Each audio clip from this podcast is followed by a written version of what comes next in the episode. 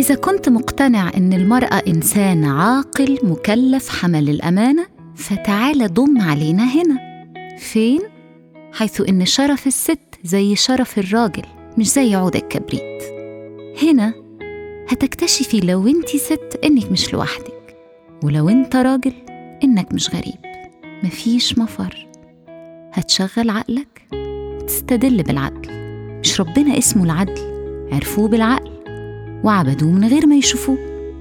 يوميات واحدة ست تجربتي وتجربة ستات كتير. إحنا بني آدمين. آه آه النقد عندنا أو ال criticism اسمه عداوة. وال feedback أو رد فعل الجمهور أو مستخدم أي خدمة أو حتى رأيك وتعليقك في اجتماع في شغلك معمول أصلا عشان تقول رأيك لتحسين أدائك. هو جزء منه رد فعل على أداء الآخرين وتأثيرهم عليك أو عليكي وده كله يندرج تحت النقد. إذا الفيدباك أو رد فعلك على شغلي أو تصرفاتي اسمه عداوة. يعني لو حضرتك بعتلي قلتلي مش عاجبني البودكاست ده وده اسمه رد فعل حتى من غير ما تقولي ليه تبقى عدوي. ولو اشتغلت بقى وبذلت جهد في تفنيد المحتوى واستخرجت من كلامي أفكار هدامة للشخصية ونصائح غير مستندة على معرفة. وواجهتني بالحجة إني بأذي الناس وأضللهم لأسباب واضحة فده اسمه إمعان في العداوة. ده أنت كده قتلتني هي دي السمة أو ثقافة العمل في مجتمعاتنا مش بس في مصر. لا في كتير من بيئات العمل في منطقتنا. وفي وجهة نظري المتواضعة جدا واللي ملهاش لازمة إحنا نص مشاكلنا في جودة بعض منتجاتنا. أو خدماتنا أو المنافسة وتحقيق مكاسب من مجالات مختلفة زي السياحة الإبداع الفنون وغيرها سبب عدم تقبلنا لسماع النقد ولا الإنصات لرد الفعل على اللي بنقدمه. ما هو أنت مش هتعمل مسلسل زي الحبار مثلا وتحقق مليارات الدولارات من المشاهدات وأنت في بيئة عمل لو كتبت تنتقد أداء فنان يقولك يا كاره نجاحي يا غيران مني يا عايز قوتي. وديني ما هتغير وهفضل زي ما أنا. ونجاحي في ثباتي الانفعالي وتجاهلك. حتى لو كان لك قدر في اللي بتقدمه خبرة الحلقة دي مش محتاجة فنجان قهوة. ولا أنتوا المرة دي اللي هتاخدوا نفس عميق. أنا اللي محتاجة قلب يصغي للي هقوله. وانتوا بتسمعوني خليكوا متسامحين. حاسني الظن لأني هشاور المرة دي على ضعفي. ما بقابلكوش بدور البطلة ولا أم العيال الخبيرة خالص. خلصي. حاضر حاضر. يوميات واحدة ست موجود على أبل بودكاست جوجل بودكاست أنغامي وموقع الميزان وممكن من جوجل تكتبوا اسمي رشا الشامي يوميات واحدة ست. هيطلع على طول أو عن طريق تويتر فيسبوك إنستغرام بنفس الاسم عربي وإنجليزي. من مدة مش قليلة قررت ما أقولش رأيي في كل حاجة تخص تخصصي. قد ما أقدر. القرار ده مش شجاع خالص. لكن أنا قررت وأنا بعمل حاجة مش شجاعة إني أكون شجاعة على الأقل في الإعلان عنها. ليه عملت كده؟ وإزاي بعد مشوار مش قصير في الصحافة والإعلام بتراجع عن فعل حميد بأتقنه ومقتنعة بجدواه؟ هل كنت غلطانة؟ هل اكتشفت إنه لا جدوى أصلا غير تحصيل العداوات؟ استنوا أنا ما بعتش نفسي. سامعاكوا بعتي بكام يا رشا خسارة لا لا لا أنا زي ما أنا. أنا زي ما أنا. محدش يكتب لي زي ما بيحصل وبتكتبولي. بنحبك على فكرة. خليكي زي ما أنتي. أنا ما اتغيرتش ما تحكموش. خلوني أحكي لكم الأول لأني متأكدة إن اللي هقوله ممكن يخلي كل واحد فيكم يعيد حساباته بشكل أو آخر في مواقفه في بيئة عمله وفي رؤيته للناس من نافذته الضيقة. يلا نرغي. قبل 2011 كان جوزي أسامة الشاذلي الروائي والكاتب الناقد. كتب مقال نقدي عن أحد الأفلام اللي من إنتاج الست صاحبة السعادة وكان متعلق بالعاملين على فيلم ما. لذلك ولأنهم موجودين مش هقول لكم على اسم الفيلم. ما كناش اتجوزنا ولا عرفنا بعض. هو بعدين حكالي. المهم خلينا في موضوعنا. الست إسعاد زي أي إنسان بيشتغل في صناعة السينما والفن قارئة ومثقفة ومطلعة لا ومنتجة مش هينة خالص بالتالي وقع بين إيديها المقال فور نشره. قرته ودورت ووصلت لأسامة وطلبت تقابله وحينها استوضحت منه بعض الأمور اللي وردت في مقاله النقدي وشكرته بدون الدخول في التفاصيل تاني حيث إن مقاله كان سبب لتوضيح أمور كتير لصالح شغلها كمنتجة. عدت السنوات وكتب أسامة مقال انتقد فيه الست إسعاد نفسها بقى المرة دي. عاتبته عتاب رقيق بعتت له كده يا أسامة وهو سكت لقدرها عنده ولأنه فاهم إن ده شغله ولازم يفصل بين تقديره وإعجابه كمان بنجاحها وإدراكه لقيمتها المستحقة وبين احترامه كمان لقدره ككاتب مهمته يضيء نوافذ ممكن تكون معتمة حتى عند أصحابها ولو إنه أحيانا بيبقى شديد حبتين.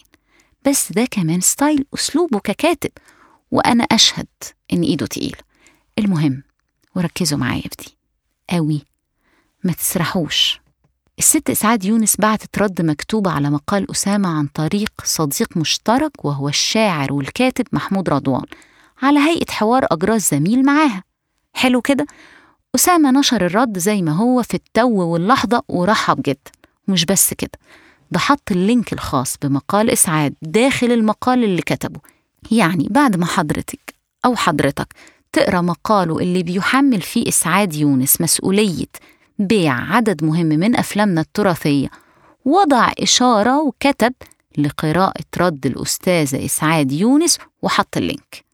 والحقيقة إن ردها كان له منطق وحجة جدير بالتوقف خاصة بعد مرور سنين طويلة أثبتنا فيها فشلنا في حماية غالبية التراث اللي بقي ومحدش باعه.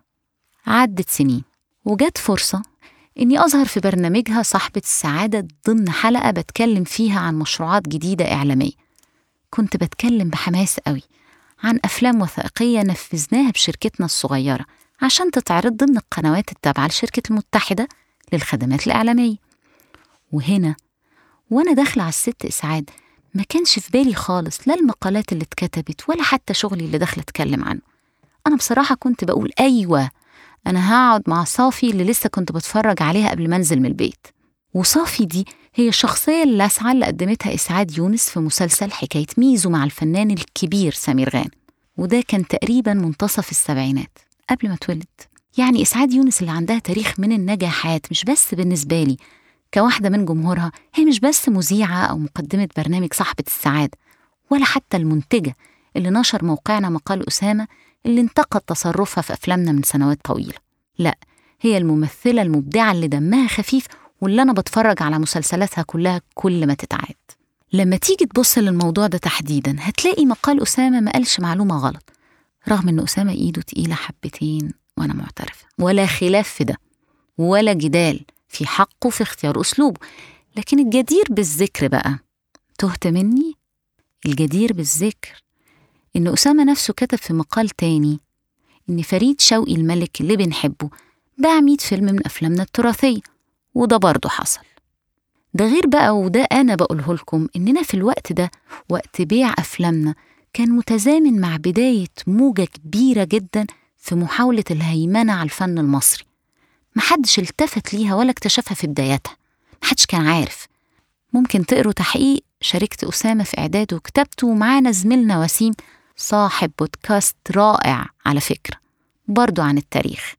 المهم عملنا تحقيق مكتوب عن كيف غزت الوهابية مصر. هتلاقوه على الميزان بيحكي الحكاية كلها اللي وقتها محدش كان متوقع تبعاتها. وصحيح إن اللي اشترى أفلامنا حافظ على جزء كبير منها وقعد ترميمها ويداوم على عرضها. وكل يوم بكتب عن سعادتي وأنا بتفرج عليها يعني بنسخ جيدة جدا على قنوات غير مصرية.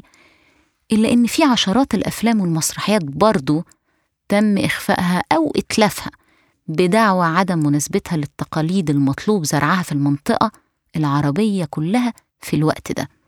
هنا عشان أشرح لكم إزاي إن كل صورة لها عدة أوجه لازم أقول إن أفلامنا اللي محدش باعها وهي كتيرة جدا وبرامج مسبيرو القديمة عدد كبير منها جدا باظ وخسرناه بسبب الإهمال وعدم نقل الشرايط والشرايط كلتها الفيران والسرقة والفساد في عقود فاتت خلت كنوزنا كلها تقع في إيدين شركات ومكاتب مجهولة وأصبح مصير عدد مش قليل من تراثنا الضياع ده برضه فكرة تحقيق يعني. المهم دي كانت برضه وجهة نظر الست إسعاد في ردها على مقال أسامة اللي أسامة نشره زي ما قلت لكم. إسعاد ما كانتش ناسية اللي عمله أسامة وزعلها منه وهذا ظني أنا. لكنها استقبلتني وهو كان معايا لما سلمت عليها في الأول بكل احترافية ولطف وتقدير بل وكانت بعينها الثاقبة قادرة توزن قيمة الناس وقدمتني تقديمة مهمة ومحترمة وكبيرة ولم تبخسني حقي ولا قدري وما كانتش مضطرة. وفي نهاية الحوار حتى لما جينا ناخد الصورة التذكارية اللي هي جزء من format برنامجها صاحبة السعادة ضمتني ليها ولفت دراعها حواليا في دعم ومحبة ما كانتش مضطرة لهم برضو. فاضل إني أقول وده بقى يعني يعني حاجة جديرة جدا بقى بالتدبر إني كتبت مقال من سنتين لسه موجود. تقدروا تشوفوه عنوانه لماذا لن تكون إسعاد يونس أوبرا وينفري أبدا؟ على فكرة إسعاد يونس ممكن تقول يا أختي أنا أصلا مش عايزة أكون أوبرا وينفري أنا إسعاد يونس وكفاية. ده غير بصراحة إن أوبرا جربت تمثل وما نجحتش عشر. النجاح واللمعان اللي نجحته إسعاد يونس كممثلة مهمة جدا جدا. لكن أنا كان عندي وجهة نظر الناقد المحب.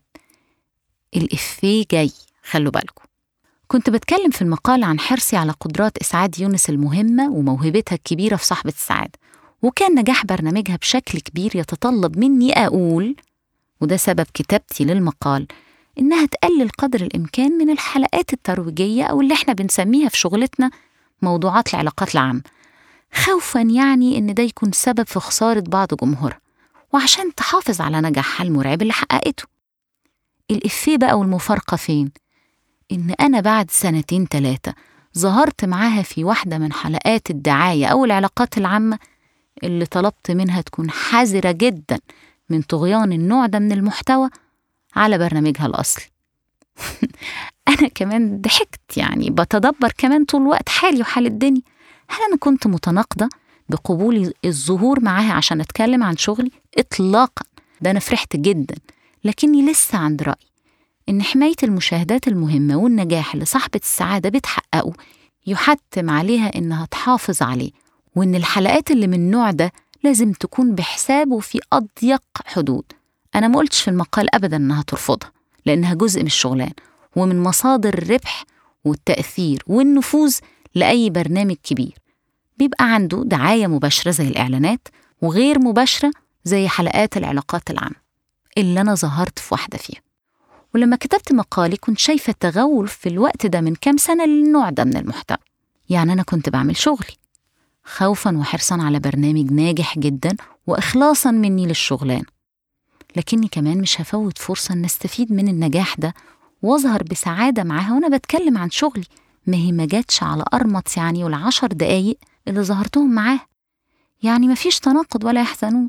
عملت شغلي ككاتبة ومهتمة بصناعة الإعلام والأستاذة إسعاد عملت شغلها باحترافية وجدعنة كبيرة في حوارها معاي لكن يفضل مقال أسامة اللي كان كفيل لو حد غير إسعاد يونس إنه يقول عليا الطلاق ما عايزة الناس دي ولا شركتهم ولا يطلعوا معايا أصلا. هي عملت العكس تماما وقلت لكم إن ده تقديري إنها فاكرة كل حاجة كويس. صنفونا ناس كتير قوي بإننا أعدائهم الشخصيين وأغلبهم عمرنا ما شفناهم لمجرد إن إحنا عملنا شغلنا. لكن للأمانة مفيش كبير هيغل ويستعدي أي حد لمجرد إنه انتقد شغله أو عبر عن رد فعله عليه كجمهور حتى. يتوجع ممكن يتضايق ده طبيعي ولازم لكن يتخذه عدو لا ده أكيد لسه بيرضع. لذلك مفيش خسارة يعني كبيرة قوي من عداوة اللي بيرضعوا غير إنهم ولإن عددهم مش قليل حكموا علينا بالعزلة كتير. بس وماله؟ في ناس ممكن ما تحترمهاش أو لا تعجب بيها في كل مهنة يعني من حيث أثرها في مجتمعها قيمتها في اختصاصاتها شغلها على نفسها تغييرها بمهنتها حياة الناس. بس في الوقت نفسه وبرغم كل ده ممكن نفس الناس دول يبقوا أبهات وأمهات حنينين جدا. داعمين لولادهم. خيرين جدا مع أهل دايرتهم أو بلدهم أو محافظتهم. وفي السر كمان. وشفنا منهم نماذج كتير. وفي ناس في شغلتها. هم علامات مهمة متعددي المواهب ومتجاوزين في الإنجاز. ودول اللي بنسميهم خارقين أو الأوتلايرز. واللي منهم إسعاد يونس. ومفيش ناجح بدون أخطاء فما بالك لو خارق النجاح. ومفيش معصوم غير الأنبياء. ومش المفروض نتحول مهما كنا خارقين لأنصاف آلهة. وإلا هنقع. ومن الحاجات اللي بتخلي العبقري والمتفرد رجليه على الأرض هو إنصاته للنقد. والوجع اللي بيجي من وراه. اللي بيعيش حياته يصنف الناس يا طيبين قوي يا أشرار جدا هو بالتأكيد مش إنسان ناضج حتى لو سنه كبير وغالبا محتاج يتفطم الآراء والمواقف والأذواق والطباع والألوان مش أبيض يا أسود. إحنا كلنا متوزعين على طول الخط الرمادي اللي بين القطبين أو الرأيين واللي ما يعرفش يتعامل برحابة صدر كده مع اختلافات غيره عنه أو حتى خلافاته معاه من واقع مقتضيات شغلته نفسها حتى لو بعضها وجعه هيفقد حلاوة التقدير الصادق والاعتراف بالفضل. أنا كنت مثلا في وقت من الأوقات زعلانة جدا إن إسعاد يونس بطلت تكتب مقالات. وهي بالمناسبة. إضافة لمواهبها الكتيرة جدا كاتبة ساخرة ولاذعة وممتعة وكنت من قرائها عشان كده زعلت. لكن أنا بعد مدة كمان قللت جدا من كتاباتي لأن الكتابة فيه معظمها فعل اعتراض. ولأن عندي أسلوب تحقيقي غلس بيخليك ما تلاقيش مخرج تنفد منه. وطالما لا أحصد من وراء الكتابة دي غير عدوات من كتبت عن أعمالهم أو قراراتهم فأحيانا تزهق وتقول لنفسك ما بلاها أحسن. مش بقول ده بسعادة لأن تاني مقتنعة إن أهم حاجة بتخلي أدائنا أحسن وبيتطور وشغلنا أكتر احترافية هو الإنصات لرد الفعل. للفيدباك على شغلك وده أنا بطلبه جدا من زمايلي. يا ترى كم واحد في محيطك كبير عمرا وخبرة مهنية وعنده مسؤوليات مهمة وفي رقبته مصالح ناس بيقف من النقد موقف العداوة وبيشوفك يا حبيب سنده طول الوقت وبتسقف له يا عدو واجب مقاطعتك لا وأذيتك كمان لو جات له الفرصة. يا ترى في كام واحد محتاج يتفطم